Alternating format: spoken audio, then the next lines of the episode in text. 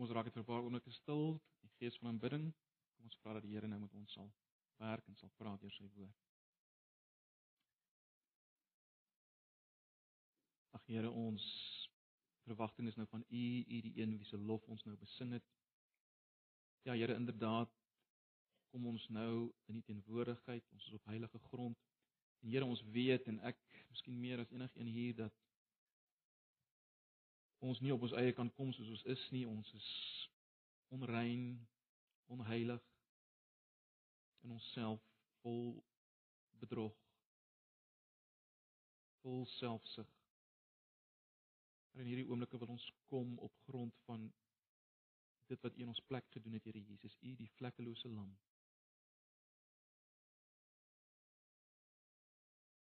Ons kom alleenlik omdat ons geklee in U geregtigheid kan kom. En nou wil ons vra dat U met ons sal praat. Juis omdat ons voor U kan kom geklee in die geregtigheid van Jesus. Kom gebruik U woord, werk deur die Gees, kom praat met my en met elkeen van ons. Ons wil onder U woord kom staan in die oggend. Ons vra dit in Jesus se naam. Amen.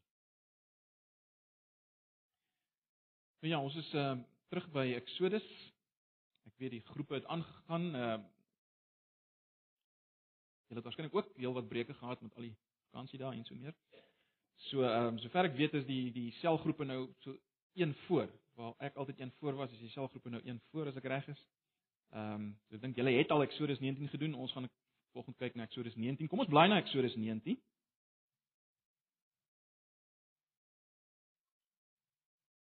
Exodus 19. Ja, vanoggend se gedeelte is een van daai gedeeltes wat bietjie korter is. Dis die dis die gedeelte waarna ons vanoggend gaan kyk is hanteerbaar. So kom ons lees dit saam volgens. Gewoonlik of baie keer is dit sulke groot gedeeltes dat ons dit nie kan alles saam lees nie, maar vanoggend kan ons dit wel saam lees. So ek gaan dit een keer deurlees en dan gaan ons weer met die teks werk. Ons gaan weer daarin lees. Kom ons lees Eksodus 19. Ek lees maar die 83 vertaling. Kom ons lees vanaf vers 1. Presies 3 maande na hulle uittog uit Egipte het die Israeliete in die Sinai woestyn aangekom. Nadat hulle van Refidim af vertrek het, het hulle kamp opgeslaan in die Sinai woestyn reg oor die berg. Moses het in die berg uitgeklim na God toe en die Here het van die berg af na hom geroep: "So moet jy vir die nageslag van Jakob sê vir die Israeliete vertel: Julle het gesien wat ek aan Egipte gedoen het en hoe ek julle soos op arendsvlerke veilig gedra het en na my toe gebring het. As julle na my uh, as julle my gehoorsaam en julle aan my verbond hou, sal julle uit al die volke my eienaam wees 'n koninkryk wat my as priesters dien en 'n gewyde nasie. Die hele aarde behoort immers aan my. Dit is wat jy aan die Israeliete moet vertel. Moses het toe afgeklim en die leiers van die volk bymekaar geroep en vir hulle alles vertel wat die Here aan hom beveel het. Daarna het die volk soos een man geantwoord: "Alles wat die Here gesê het, sal ons doen." Moses het vir die Here gaan sê wat die volk geantwoord het. Toe het die Here vir Moses gesê: "Ek kom na jou toe in 'n donker wolk of in 'n donderwolk Die volk sal my nie kan hoor wanneer ek met jou praat en dan sal jy ekskuus uh die volk sal my kan hoor wanneer ek met jou praat en dan sal hulle altyd vertroue in jou hê. Toe Moses alles wat die volk geantwoord het aan die Here gaan mededeel het, het die Here ook nog vir hom gesê: "Gaan terug na die volk toe. Laat hulle hulle vandag en môre reinig en laat hulle hulle klere was. Hulle moet oormôre gereed wees want dan sal ek, die Here, na Sinaï berg toe afkom voor die oë van die hele volk.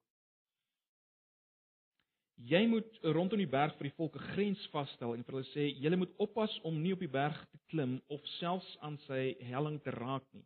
Elkeen wat aan die berg raak, moet beslis doodgemaak word.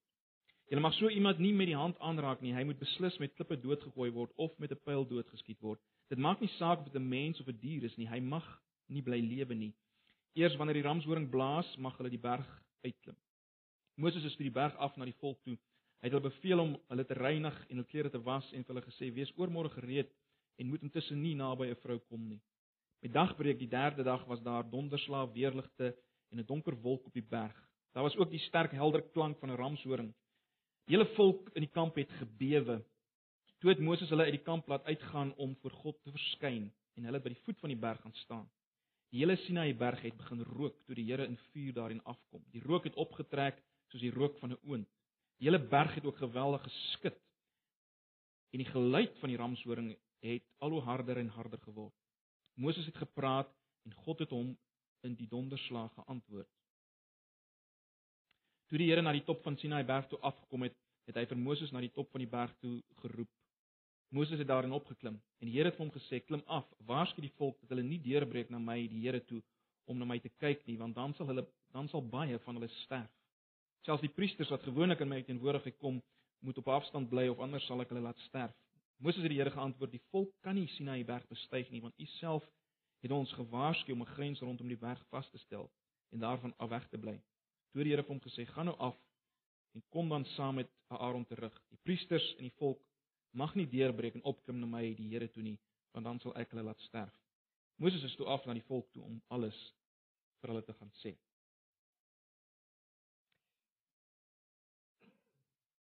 Dis Eksodus 19.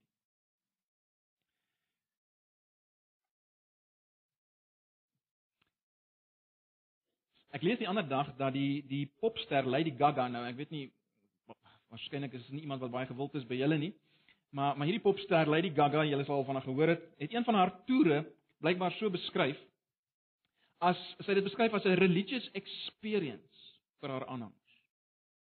Godsdienstige belewenis vir haar aanhangers.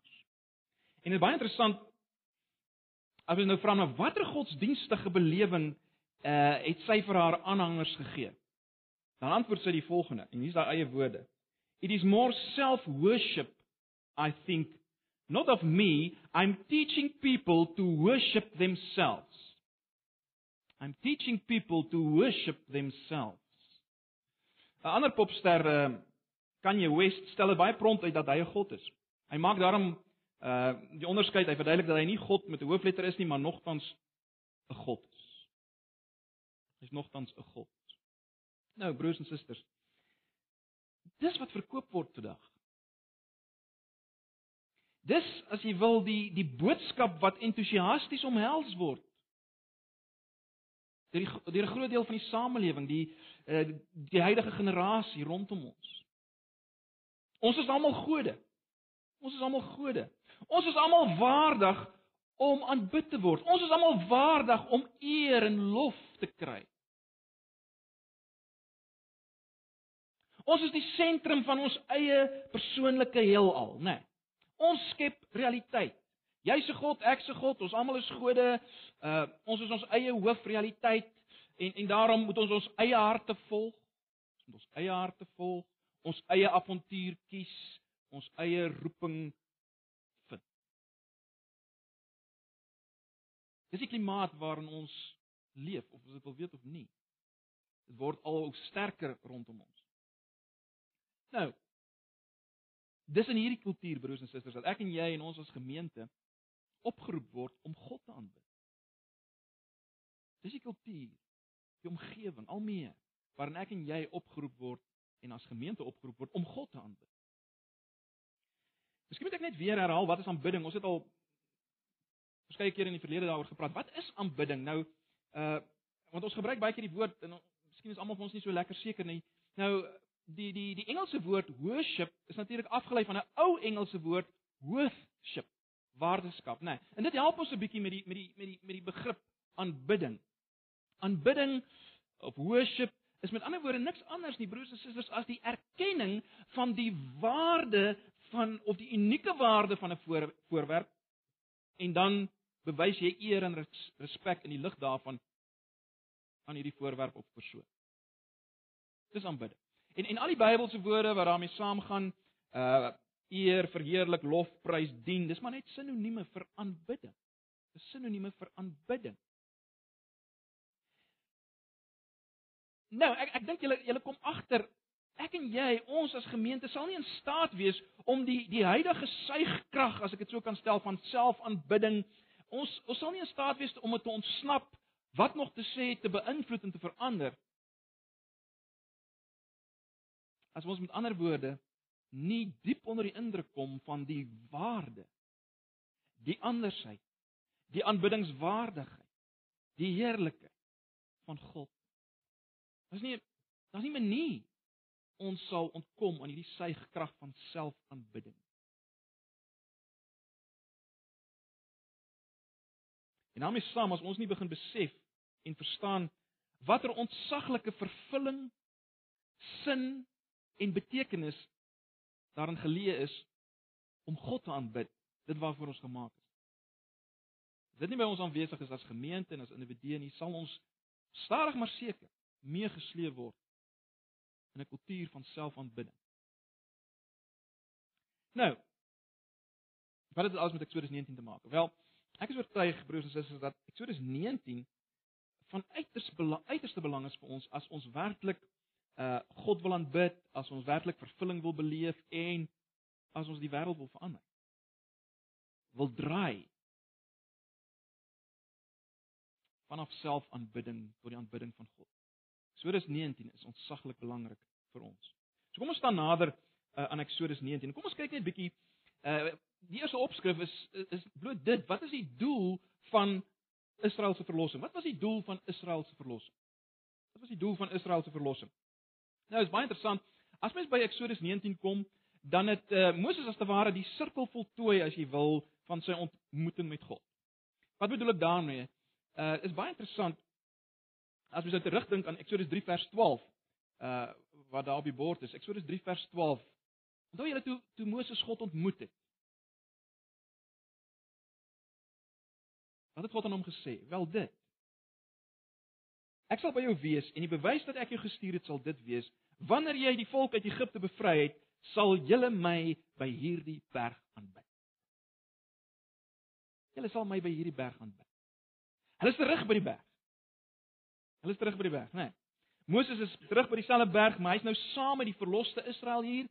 En en en nou is Moses die een deur wie God, soos julle gesien het toe ons dit gelees het, en Moses is die een deur wie God praat met die volk. Moses staan as te ware as 'n middelaar. Hy staan as 'n middelaar tussen God en die volk by hierdie berg. Uh, is interessant, die die verloste Israel gaan ongeveer 'n jaar lank hier bly. En uh, die skrywer gaan so 'n hele hele klomp hoofstukke daarin wy. Eintlik 59 hoofstukke word eintlik gewy aan hierdie ontmoeting by die berg. Want onthou, hulle vertrek eers uh, as ons nou in die Bybel aangaan, eers hier in Numeri 10 vertrek hulle van die van die berg weg. So hulle is hier by die berg. En hele doel waarvoor hulle verlos is, met ander woorde, is om dit raak sien. Hele doel waarvoor hulle verlos is, is dit om God te kom aanbid. By hierdie berg waar Moses hom aanvanklik ontmoet het. Maar broers en susters, 'n uh, uh, volgende ding wat ons moet raak sien as ons as ons nader staan aan hierdie gedeelte is is om te sien wie's die God wat aanbid moet word. Die God wat aanbid moet word is ontzagwekkend gevaarlik. Die God wat aanbid moet word is ontzagwekkend gevaarlik. Ek dink nie mense kan mis dat die skrywer wil hê ons moet raak sien wie hierdie God is. Wie is hierdie God wat uh wat aanbid moet word? Ek gaan weer vir julle vanaf vers 11 lees, maar maar bietjie met klem op sekere gedeeltes dan dan luister julle net weer, want ek wonder, ek wonder of ons regtig nog hoor wat hier staan. Nee. Ons is baie gewoond aan aan hierdie gedeelte. Hoor ons nog regtig wat hier staan? Dis geweldig, is dit nie? Kom ek lees net so van vers 11 af. Hulle moet oormôre gereed maar gereed wees, dan sal ek die Here na Sinaï berg toe afkom voor die oë van die hele volk. Vers 12. Julle moet rondom die berg vir die volke grens vasstel en vir hulle sê julle moet oppas om nie op die berg te klim of selfs aan sy helling te raak nie. Elkeen wat aan die berg raak, moet beslis doodgemaak word. Elkeen wat aan die berg raak, moet beslis doodgemaak word. Julle mag so iemand nie met die hand aanraak nie. Hy moet beslis met klippe doodgegooi of met 'n pyl doodgeskiet word. Dit maak nie saak of dit 'n mens of 'n dier is nie. Hy mag nie bly lewe nie. Eers wanneer die ramshoring blaas, mag hulle die berg uitklim. Met dagbreek die derde dag was daar donderslae, weerligte en 'n donker wolk op die berg. Daar was ook 'n sterk helder klank van 'n ramshoring. Die hele volk in die kamp het gebewe. Die hele Sinaï berge toe begin rook toe die Here in vuur daarin afgekom het. Die rook het opgetrek soos die rook van 'n oond. Die hele berg het ook geweldig geskit. En die geluid van die ramshoring het al hoe harder en harder geword. Moses het gepraat en God het hom in die donderslag geantwoord. En die Here het hom gesê: "Gaan af, waarsku die volk dat hulle nie deurbreek na my toe nie om na my te kyk nie, want dan sal baie van hulle sterf." Selfs die priesters wat gewoonlik in my teenwoordigheid kom moet op 'n afstand bly of anders sal ek hulle laat sterf. Toe die Here vir hom gesê: "Gaan nou af en kom dan saam met Aaron terug. Die priesters en die volk mag nie deurbreek en opklim na my die Here toe nie, want dan sal ek hulle laat sterf." sien ons dit?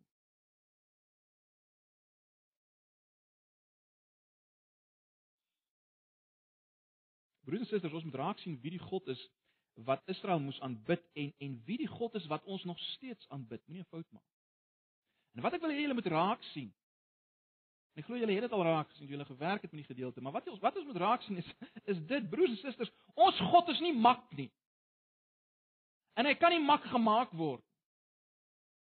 As jy besig is met 'n mak God, is jy besig met 'n verkeerde God. Die een met wie jy so gemaklik is. Ons God is nie 'n mak God nie. Hy is nie 'n goedhartige oomie iewers daarbo wat maar net goed is vir almal nie. Sag is met almal. Nee, hy's gevaarlik. Ons God is gevaarlik. Hy's uiters gevaarlik.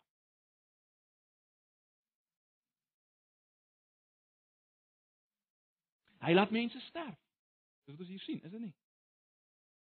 Hy laat mense sterf. En hy het die reg om dit te doen, hoor. En die mag om dit te doen. In vers 5, as jy net kyk na vers 5, dan sê God, die hele aarde behoort aan my. Die hele aarde behoort aan my. Nie aan Israel of aan enige ander volk of mens. Hele aarde behoort aan my. En omdat God so is, broers en susters, omdat God so is, moes die volk voorberei om in sy teenwoordigheid te kom, né? Nee, in vers 11 en in vers 17 sal julle sien dat God sou uh op die berg verskyn, hy sou teenwoordig wees daar. En daarom al die voorbereiding waarvan ons pla, uh, uh, waarvan ons lees. Nou, miskien wonder julle oor die was van die klere. Uh, ons verstaan dit nie regtig nie.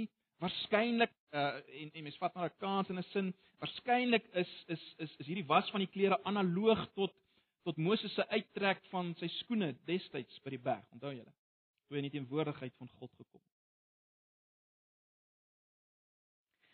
Die punt is al verstaan ons nie presies al die redes vir vir die spesifieke voorbereiding van die was van die klere en uiteindelik Moses wat byvoeg seksuele onthouding nie. Al verstaan ons nie presies alles die redes daarvoor nie. Uh kan ons wel dit duidelik sien die Israeliete kon nie bloot kom soos hulle is nie. Hulle kon nie bloot soos hulle kom soos hulle was kom in die teenwoordigheid van hierdie gevaarlike God wat jou kan laat sterf. Dis baie duidelik. Broers en susters, hulle was op die punt uh om iets te doen of om deel te aan iets wat geen nasie nog ooit aan deel gehad het. Hulle kon kom om die hemelse koning te ontmoet. Dis iets geweldig, hoor. Ons lees so gemaklik oor hierdie dinge. Dis iets wat geen nasie nog kon doen nie, om die hemelse koning te ontmoet en sy stem te hoor. En daarom word, word hulle 2 dae gegee om voor te berei. Daar word 2 dae gegee om voor te berei om in die teenwoordigheid te kom van hierdie God. Want die God wat hulle moes aanbid is ontzagwekkend en gevaarlik. En jy en ek moet dit vandag hoor. Jy ek en jy wat wat wat gemaklik raak en familier raak met God, moet dit hoor. Dit bring ons by 'n volgende punt. Ons het nou gesien Hierdie God is ontzagwekkend gevaarlik. Die volgende ding wat ons moet sien is dit: die God wat aanbid moet word is onbeskryflik ontfermend. So hy's onbeskryflik ontfermend. En, en, en dit moet ons raak sien. Aan die een kant is hy ontzagwekkend gevaarlik, maar hierdie selfde God is terselfdertyd ongelooflik ontfermend, medelydend en verlossend. En, en broers en susters, dis die ongelooflike van God, is dit nie? Dis die andersheid van God. Dis as jy wil die aanbiddingswaardigheid van God. Dit maak hom aanbiddingswaardig. Hierdie kombinasie. Dis wat hom opwindend anders maak. As enigiets wat ons ken. Dit maak hom opwindend anders. Kyk net na vers 4. Julle het self gesien wat ek aan die Egiptenaars gedoen het en dat ek julle op arendsvlerke gedra het en julle na my toe gebring het. So God gebruik die die beeld van 'n arend om die volk te herinner aan aan wat hy gedoen het. Nou hierdie beeld eh, dink ek bring die twee kante van God se karakter pragtig bymekaar. Die twee kante waarna ons nou kyk. Kyk, aan die een kant is arende sal julle weet is is eintlik dodelik effektiewe roofdiere, hoor. Dodelik effektief. En God het as dodelike arend as jy wil by wyse van spreuke op Egipte Israel se vyand toegesak en hulle bevry en Egipte vernietig. As dodelik effektiewe arend. Maar soos hy dit hier stel, hy het hulle ook op arendsvlerke gedra. En die hele gedagte waarskynlik hier is is is die gedagte of die gedagte agter dit wat gesê word hier is is is is die arend wat die wat sy kleintjies as hulle moeg raak dan dan dan dra die arend as te ware dis is geweldig om te sien dan dra die arend as te ware hierdie kleintjies op op haar vlerke en en en en sorg dat hulle veilig veilig kan land. So dis die gedagte agter hierdie uitspraak. En, en dit sê vir ons dat Israel was totaal afhanklik van God se genadige handeling teenoor hulle toe hulle uit Egipte gebring is en bevry is. Israel was totaal afhanklik van God se genadige handeling teenoor hulle. Mens kan nie anders as om die diep verhoudingsaard aan die ander kant hier raak te sien van God se se reddende aktiwiteit teenoor Israel nie. Nee, mens mens sien dit baie duidelik. As God sê, "Ek het julle na my toe gebring." Nee. Ek het julle op arensvlerke gedra en julle na my toe gebring. Jy moet dit nie mis nie. Dis dis geweldig. Ek het julle na myself toe gebring. Dis wat God sê. Ek het julle na myself toe gebring. Jy sien, ons moet dit verstaan broers en susters en, en ons moet dit ook verstaan in ons eie verlossing. Uh, Israel is nie net bonatuurlik verlos en toe God hulle gelos op 'n afstand. Okay, verlos julle, nou kan julle lekker aangaan. Julle is nou verlos. Nou kan julle lekker die lewe leef. Julle eie Hy het hulle verlos en na hom toe gebring. Dis waar die verlossing gaan. God bring hulle na homself soos 'n mens kan amper sê soos 'n arend 'n kleintjies na sy die kleintjies na na sy nes toe bring en dan as te ware so op die kleintjies gaan sit, nê. Nee, hulle toemaak. Dit dit dit uh wat hier weergegee word. Dis die gedagte. Jy sien God se bedoeling was en is om 'n volk te hê in met wie hy in 'n verhouding staan. Ons moet dit nie mis nie. Met wie hy in 'n verhouding staan. En dit is dan binne hierdie verhouding baie belangrik dat hy hierdie verbond met hulle gee, né? Die al die insettinge wat wat nou gaan afgekondig word vanaf die berg en uiteindelik uit die tent van samekoms. Al daai stipulasies dis dis die verbond. Dis die inhoud van die verbond. Maar baie belangrik, dit vloei voort uit hierdie verhouding. En daarom is al hierdie voorskrifte en ons moet dit nou al hoor, al hierdie voorskrifte, al hierdie sogenaamde wette was tot hulle beswil en dit sou tot hulle grootste vreugde dien van die een wat hulle soos 'n arend op haar vlerke gedra het en hom toe gebring het. Dis die een wat hierdie verbond gee. So dis baie belangrik.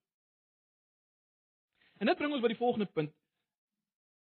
Ons moet raak sien dat aanbidding is onlosmaaklik gebind aan gehoorsaamheid. Dit vloei voort uit gehoorsaamheid. Uh julle sal sien die die herinnering aan wat God vir hulle gedoen het, moes Israel as te ware motiveer om te gehoorsaam. Dit vloei voort uit gehoorsaamheid. Dis dis dis onlosmaaklik ver, verbind aan gehoorsaamheid. Maar baie belangrikheid, belangrik, gehoorsaamheid aan wie? Gehoorsaamheid aan die God wat hulle met arendsvlerke uit Egipte gebring het. Nie 'n harde vreemde God. 'n Gevaarlike God, ja. Maar terselfdertyd hierdie God wat hulle gedra het uit genade. Dis 'n opwindende God. En dis die een uh aan wie hulle moet gehoorsaam wees. Kyk na vers 5. As julle dan nou terdee na my stem luister, en my verbond hou, sal julle my eiendom uit al die volke wees want die hele aarde is myne. Kom ons kyk net vinnig na daai eerste gedeelte. As julle dan nou terdee na my stem luister en my verbond hou. Uh nou baie belangrik, ons moenie hier verkeerd verstaan nie. Ons moenie hierdie vers of gedeelte van hierdie vers sien asof Israel hulle eie verlossing moes bewerk nie. Ons weet dit is nie so. Hulle is reeds verlos. God het hulle verlos op eie inisiatief uit Egipte uit Daar was geen prestasie van hulle kant af nie om die waarheid te sê. Uh weer en weer kom God ook in Deuteronomium en dan sê hy, ek het julle nie verlos omdat julle groter was en meer besonders was nie. Julle was niks. bloot omdat ek julle liefhet. Bloot omdat ek julle liefhet.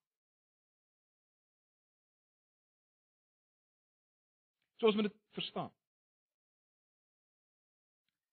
Hulle het nie hulle verlossing verdien nie, hoor. Maar nou, baie belangrik, nou dat hulle verlos is, kan en mag hulle nie anders as om te leef op 'n manier wat pas by hulle verlossing. Hulle kan nie anders as om nou te leef op 'n manier wat pas by hulle verlossing nie en dis gehoorsaam. Dis gehoorsaam aan alles wat God nou in die verbond vir hulle gaan bring.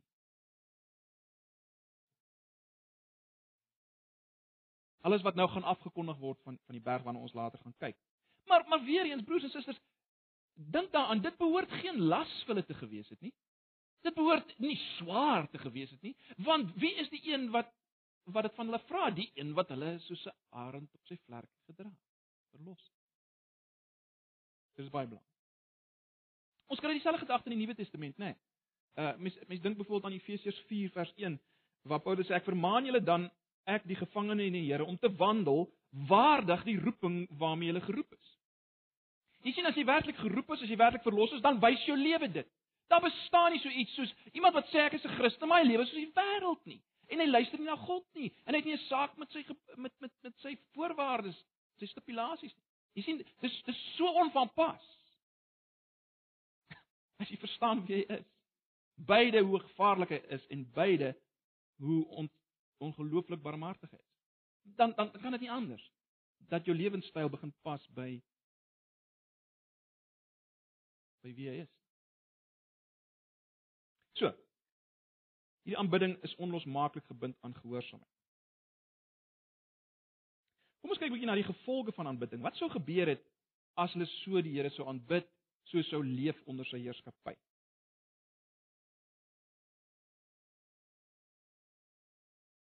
Baie belangrik om dit raak te sien want hier sien ons ook nou weer iets van implisiet is dit daar iets van God se hart vir die nasies nog steeds. Kom ons kyk na vers 5 en 6. As julle my gehoorsaam is en julle aan my verbond hou, sal julle uit al die volke my eiendom wees, 'n koninkryk wat my as priesters dien en 'n gewyde of die meer letterlike vertaling 'n heilige nasie. Die hele aarde behoort immers aan my. Dit is wat jy aan die Israeliete moet vertel. Kom ons kyk na die gedagte dat die volk hulle uh, God se eiendom is. God het Israel geroep vir 'n sekere doel. Uh hy uit al die nasies vir Israel gekies as sy eie kosbare besitting. Dis ontsaglik. Maar baie belangrik en en en ons moet dit vanoggend raak sien. Uh en ons het dit al gesien in Abraham se verkiesing, né? Nee, ons moet nie dit vergeet nie. Ons is nog steeds besig met die die uitvloeisel van Abraham se verkiesing. En ons het reeds by Abraham se verkiesing gesien dat dat hierdie verkiesing van Abraham was nie net om vir Abraham 'n bevoordeelde posisie te gee nie. Nee, dit was ter wille van die nasies. Dit was ter wille van die nasies. En dis die rede waarom God hulle as uit al die volke as sy eiendom eenkant gesit. Uh net so terloops in in in die in die Hebreë sien mens iets raak wat mense nie eintlik in die Afrikaans raak sien nie, wat daarop dui dat die skrywer wil hê ons moet dink aan die belofte aan Abraham. En dit is 'n simpel woord. Uh die woord wat vir nasie gebruik word hier as as God sê julle moet 'n gewyde of heilige nasie wees. Die woord daar wat vir nasie gebruik word, is die woord wat God gebruik in Genesis 12 vers 2. En dit is 'n bietjie van 'n anderste woord want gewoonlik uh word daar vir Israel een woord gebruik en vir die ander nasies 'n ander woord. Maar daar in Genesis 12 word die woord ge, vir Israel gebruik uh of as of word die woord gebruik as God met Abraham praat wat gewoonlik vir die nasies gebruik word. En nou gebruik God dieselfde woord. As hy vir hulle as hy vir Israel sê ek wil julle 'n gewyde nasie maak. 'n Bietjie van 'n 'n fyn ding wat mens raak sien, maar die skrywer wil hê ons moet ons moet teruggevat word na die belofte aan Abraham. In ander woorde, die volk is op sy gesit as God se eiendom ter wille van die nasies. Hulle moes beelddraers onder die nasies wees. Hoe moes hulle wees? Wel, Hulle moes 'n gewyde of heilige nasie wees. Gewy is die woord wat die 83 vertaling gebruik, letterlik heilig. Kom ons dink 'n bietjie daaroor. Gewyde of letterlik heilige nasie. Nou, heiligheid weet ons is een van die belangrikste eienskappe van God self, né? Nee, sy heiligheid beteken sy andersheid. Sy totale, volkomme heelheid. En omdat hy volkomme heel is en anders is, kan hy in sonde nie saamgaan nie. Hy in onreinheid gaan nie saam nie. Hy is te heilig en anders en volkome. En nou word Israel gekies deur God om anders te wees as al die nasies, om 'n heelheid te hê wat die nasies nie het nie, 'n volkomendheid wat die nasies nie het nie, soos God. Hulle is gekies as 'n heilige nasie. Maar ook as 'n koninklike priesterdom, 'n koninklike priesterdom. As Israel as heilige of gewyde nasie sou leef, sou hulle 'n koninklike priesterdom wees onder die nasies. Nou as mens daaroor dink, die die die rol van priesters, weet ons, was om as te ware middelaars te wees tussen God en die mense, né? Nee, tussen God en die mense. Priesters was middelaars. Nou Israel word geroep as te ware om op internasionale skaal Israel word geroep om op internasionale skaal die middelaar te wees tussen God en al die nasies. Geweldig. Dis wat God bedoel as hy sê julle julle moet 'n koninklike priesterdom wees. In ander woorde, Israel moes 'n vertoonvenster wees van hoe lyk God teenoor die nasies. Of anders gestel, hoe lyk dit as God met 'n volk in 'n verbondsverhouding staan? Hoe lyk dit, nasies? As God in 'n verbondsverhouding met 'n sekere volk staan. In ander woorde, as die Israeliete God gehoorsaam is, sal hulle demonstreer hoe lyk 'n lewe onder God op God se plek. As die as die nasies by wyse van spreuke so na Israel kyk. Let wel na die geheel van Israel se lewe, hulle familielewe, hulle ontspanning. Hulle hoe hulle met hulle diere werk, hoe hulle met hulle slawe werk. As die nasies so kyk na Israel, dan sal hulle iets van God se karakter gereflekteer sien. En iets van God se oorspronklike bedoeling met die mens sou hulle raak sien as hulle na Israel kyk, na die geheel van Israel se belewing. As mens nou later na die wette kyk, dan sal jy sien dit omvat alles. Daar's daar bestaan nie so iets as net 'n geestelike lewe nie. Nee, jou hele lewe word geraak. Die geheel van Israel se lewe moes God weerspieël en dit moes 'n vol en ryk lewe wees sodat die nasies daardeur aangetrek word as hulle sien hierdie hierdie volheid, hierdie ryk lewe.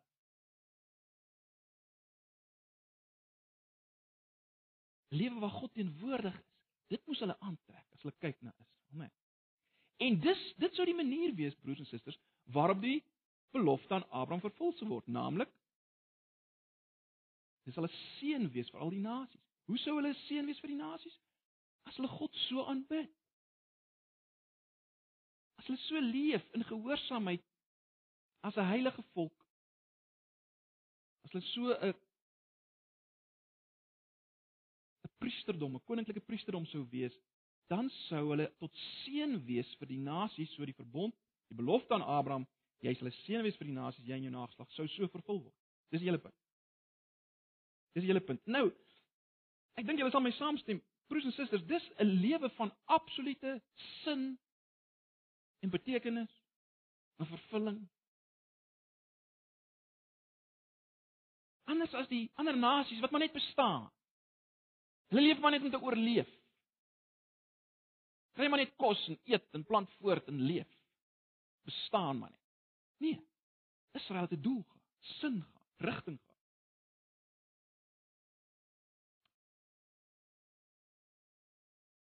Kom ons bring alles nader aan onsself.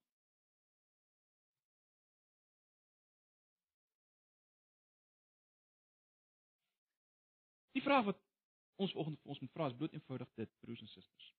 Aanbid ons as gemeente en as individue God op so 'n manier dat die nie-Christen kultuur rondom ons, die kultuur van selfaanbidding, aangetrek word deur dit wat hulle sien. En dis die uitdaging, né? Nee. As hulle ons heelheid sien.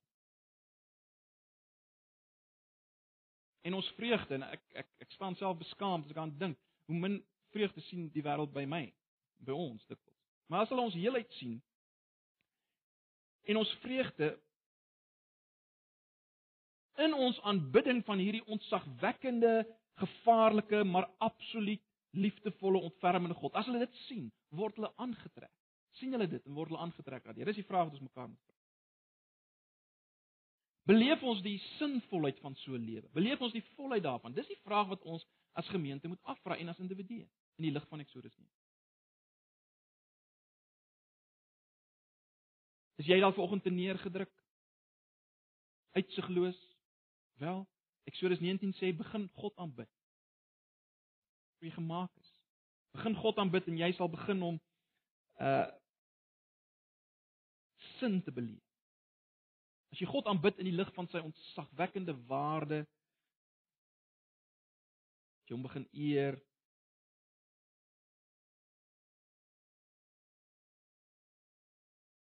Dalk soek jy vir oggend werklike opwinding. Dalk is jy iemand wat werklike opwinding soek. Wel, as jy soek na adrenalien wat pomp deur jou are, begin besig raak met hierdie God.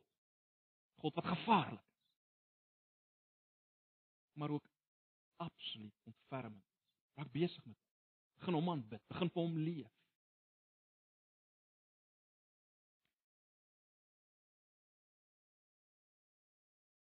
Begin beleef wat dit is om deur hom gebruik te word as 'n priester in die wêreld. Die sinvolheid daar. Ek weet jy mag vanoggend mense wees wat sê maar goed, maar ons is tog nie Israel. Kan ons sommer net so Eksodus 19 gebruik? En dis 'n goeie vraag, né? Nee. Moet ons regtig nog so God so vrees soos Israel hulle gevrees het hier by die berg? Dis 'n vraag, is is 'n geldige vraag. So wil hy ons moet vinnig bietjie bietjie daaroor nadink. Is Eksodus 19 nog op ons van toepassing en hoe presies is dit op ons van toepassing? Hoe moet ons hoe moet ons dit vat? Want ons is nie meer Israel nie, né? Nee. En ons is nie volgens by die berg. Kom ons Kyk eerstens en ons het al baie hieroor gepraat, so ek gaan nie baie lank hierop uitbrei, maar kom ons dink vir 'n oomblik net weer aan Jesus. Kom ons begin daar. Dit is baie belangrik om raak te sien dat Jesus in die eerste plek weer dit was wat Israel moes wees volgens vers 5. Jesus was dit. Uh ons het al baie daaroor gepraat hoe Jesus die vervulling is van God se bedoeling met Israel. Dink maar net aan die feit dat Israel word God se seun genoem in Eksodus 2 ag ekskuus in Eksodus 4 vers 22 en 23 word word Israel baie interessant spesifiek God se seun genoem. Jesus by uitstek finaal is God se seun in die volste sin, maar baie belangrik, Jesus is ook God se eiendomme, sy sy sy persoonlike eiendom by uitstek. Uh hy is by uitstek die koninklike priester, die heilige een, Hy is uiteindelik die lig vir die nasies waar Israel misluk het om regtig te wees. Dink byvoorbeeld aan Jesaja 49 vers 3. Daar's 'n baie interessante vers in Jesaja 49 vers 3. Ehm um, Ons baie hierna verwys. Jesaja 49 vers 3. Dit gaan hier oor hierdie geheimsinnige dienskneg in Jesaja, nê, nee, of die, die kneg van die Here of die dienskneg van die Here. Dan lees ons in Jesaja 49 vers 3. Hy het vir my gesê, Jy is my dienaar. Jy is Israel. Deur jou maak ek my mag bekend. Jy is my dienaar, jy is Israel. Deur jou maak ek my mag bekend. Nou, baie vinnig as ons by Jesaja 53 kom dan dan is daar geen twyfel dat hier sprake is van Jesus, né? Nee, ons weet dit. Met ander woorde, Jesus is nou Israel. Hy neem die rol oor van Israel. En in Lukas 2 vers 32 word daar van hom gesê hy sal 'n lig wees tot verligting van die nasies. Dis die dis wat Israel moes wees. So baie belangrik om raak te sien broers en susters, Jesus in die eerste plek neem die rol oor van Israel. Ons kom baie daaroor praat. Hy was by uitstek die lig vir Israel. Beelddraer van God onder die nasies. Maar nou wie's ons as gemeente? Wel ons is sy liggaam, né? Ons is sy liggaam. Ons weet dit. Ons bely dit. Ons sê dit so maklik. Ons is sy liggaam. En luister wat sê 1 Petrus 2 vers 9. Het julle dit al raak gesien? Dis presies Exodus 19 vers 5 en 6, né? Nee. Julle daarenteen, hy praat met 'n spesifieke gemeente. Julle daarenteen Antipas, sou ons kan invoeg, is 'n uitverkore volk, 'n koninklike priesterdom, 'n nasie wat vir God afgesonder is, die eiendomsvolk van God, die volk wat die verlossingsdade moet verkondig van hom wat julle uit die duisternis geroep het na sy wonderbare lig. So daar's 'n geweldige ooreenkoms tussen ons en Israel. Ons kan met vrymoedigheid sê ons moet soos Israel tussen God en die wêreld staan. God weerspieël, God duidelik maak sy volheid, sy heerlikheid, hoe dit lyk as 'n as mense onder sy beheer leef, as mense onderwysers is en dokters is en huisvrouens is onder God se beheer en kinders is onder sy beheer. Hoe lyk dit? Hoe lyk dit? Hoe lyk dit? Hoe lyk dit? Ons moet dit weet. Maar daar is natuurlik 'n verskil tussen ons en Israel, maar ons moet hierdie verskil reg verstaan. Daar's 'n verskil tussen ons en Israel, maar ons moet dit reg verstaan. Kyk 'n bietjie na Hebreërs 12. Die baie bekende Hebreërs 12.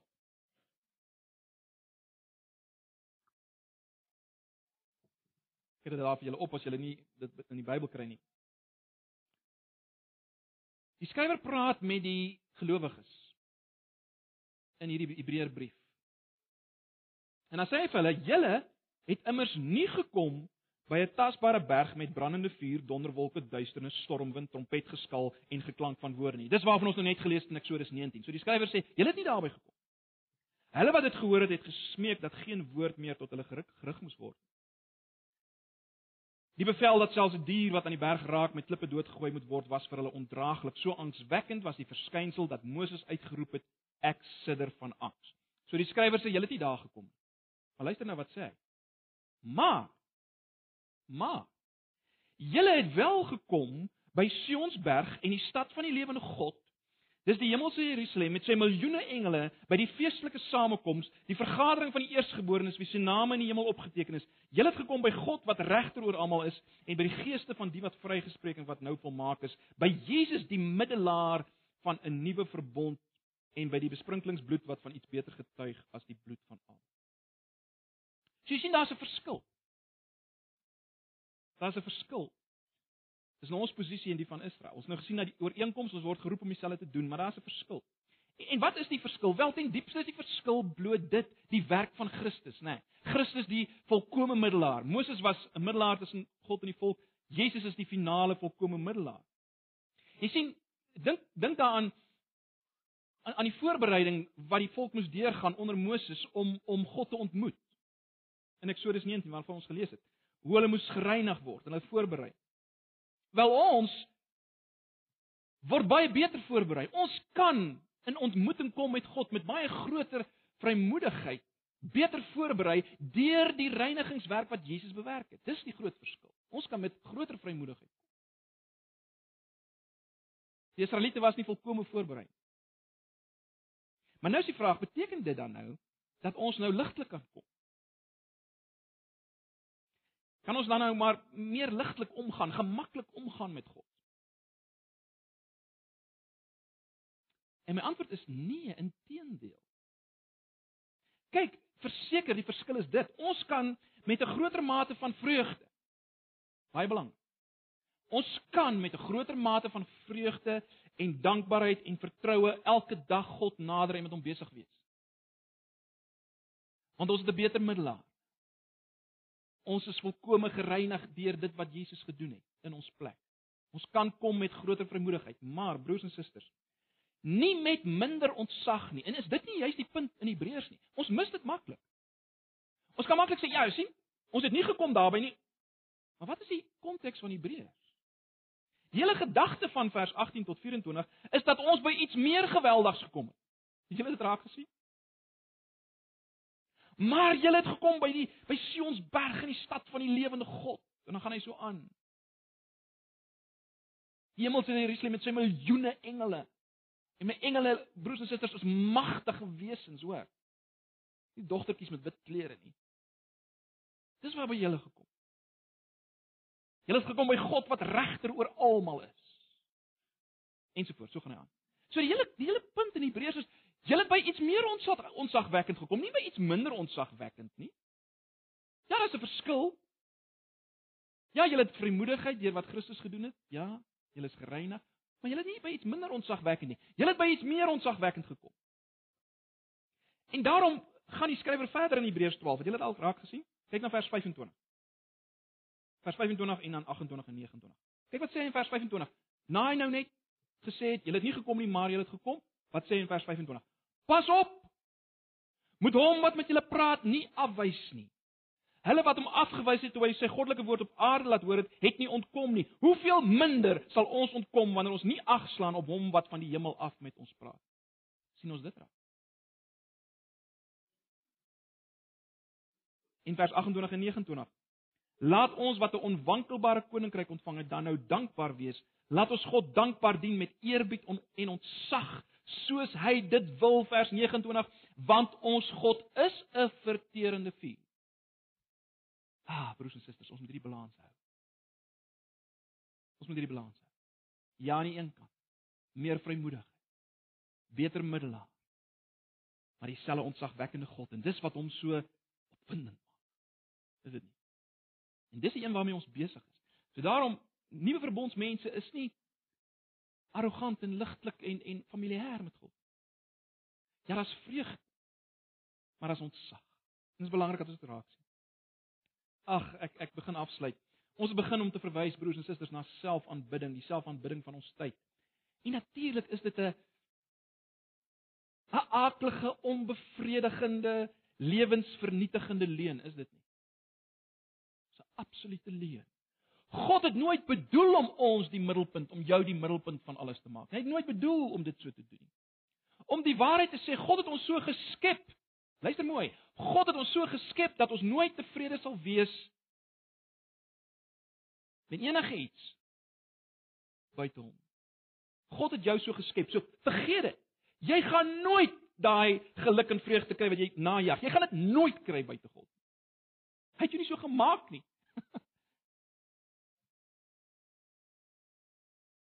Net soos 'n motor nooit 'n vliegtuig gaan word gaan jy nooit daai geluk kry wat jy najag. Wat vir oomblik gaan jy dink jy net om verpletter te word. Jy sien, God het ons nie so gemaak nie. Inteendeel, as ons onsself die middelpunt maak van alles dan dan gaan jy binnekort in skerwe spat. Dis 'n uiters gevaarlike plek om te wees, broers en susters. Dis 'n uiters gevaarlike plek om te Kom ek stel dit so, dis net God wat, wat by wyse van spreuke genoeg gravitasiekrag het as jy die beeld kry wat ek wat ek gebruik. Net God het by wyse van spreuke genoeg gravitasiekrag om ons in die regte wentelbaan te hou. Om ons onwankelbaar te hou. Net God kan dit doen. Dis waarvoor jy gemaak is. So. Jy vanoggend soek na betekenis, sin in die lewe. Baie van ons voel maar my lewe het nie sin nie. Karren net aan, Jy soek na sin en vervulling en opwinding. Wel. Vat dit wat ons vanoggend gehoor het in Eksodus 19 as Nuwe Testamentiese Christen. Vat dit. Aanbid God in Jesus. En dan sal jy iets beleef en daarmee wil ek afsluit. Dan sal jy iets beleef van van dit wat C.S. Lewis baie mooi uitlig in uh in die in sy Narnia boeke en dan spesifiek in die in die boek van the the lion the witch and the wardrobe. Ek dink uh, die meeste van julle die die fliek ook gekyk wat daaroor gemaak is.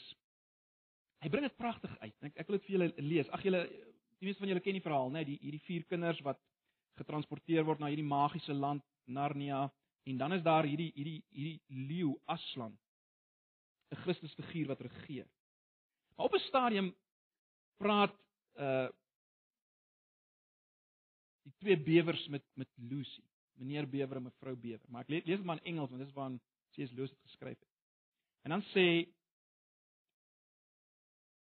ek dink is meneer Bewer die volgende. Hy sê Aslan is a lion.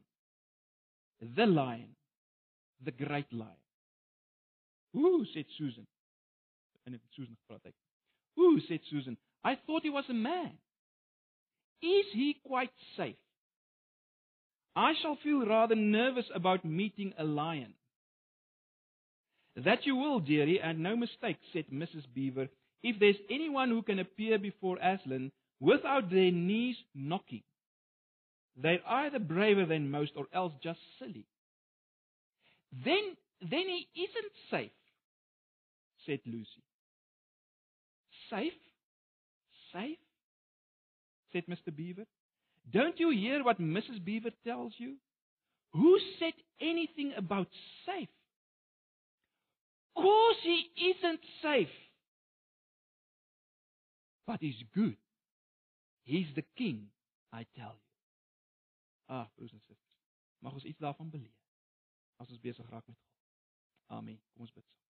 Ag Here, dankie vir u woord. Dankie vir Eksodus 19. Dankie vir u self. En ag Here, my gebed is vir elkeen wat vanoggend hier sit, elkeen wat hier sit met 'n begeerte om om u te begin aanbid.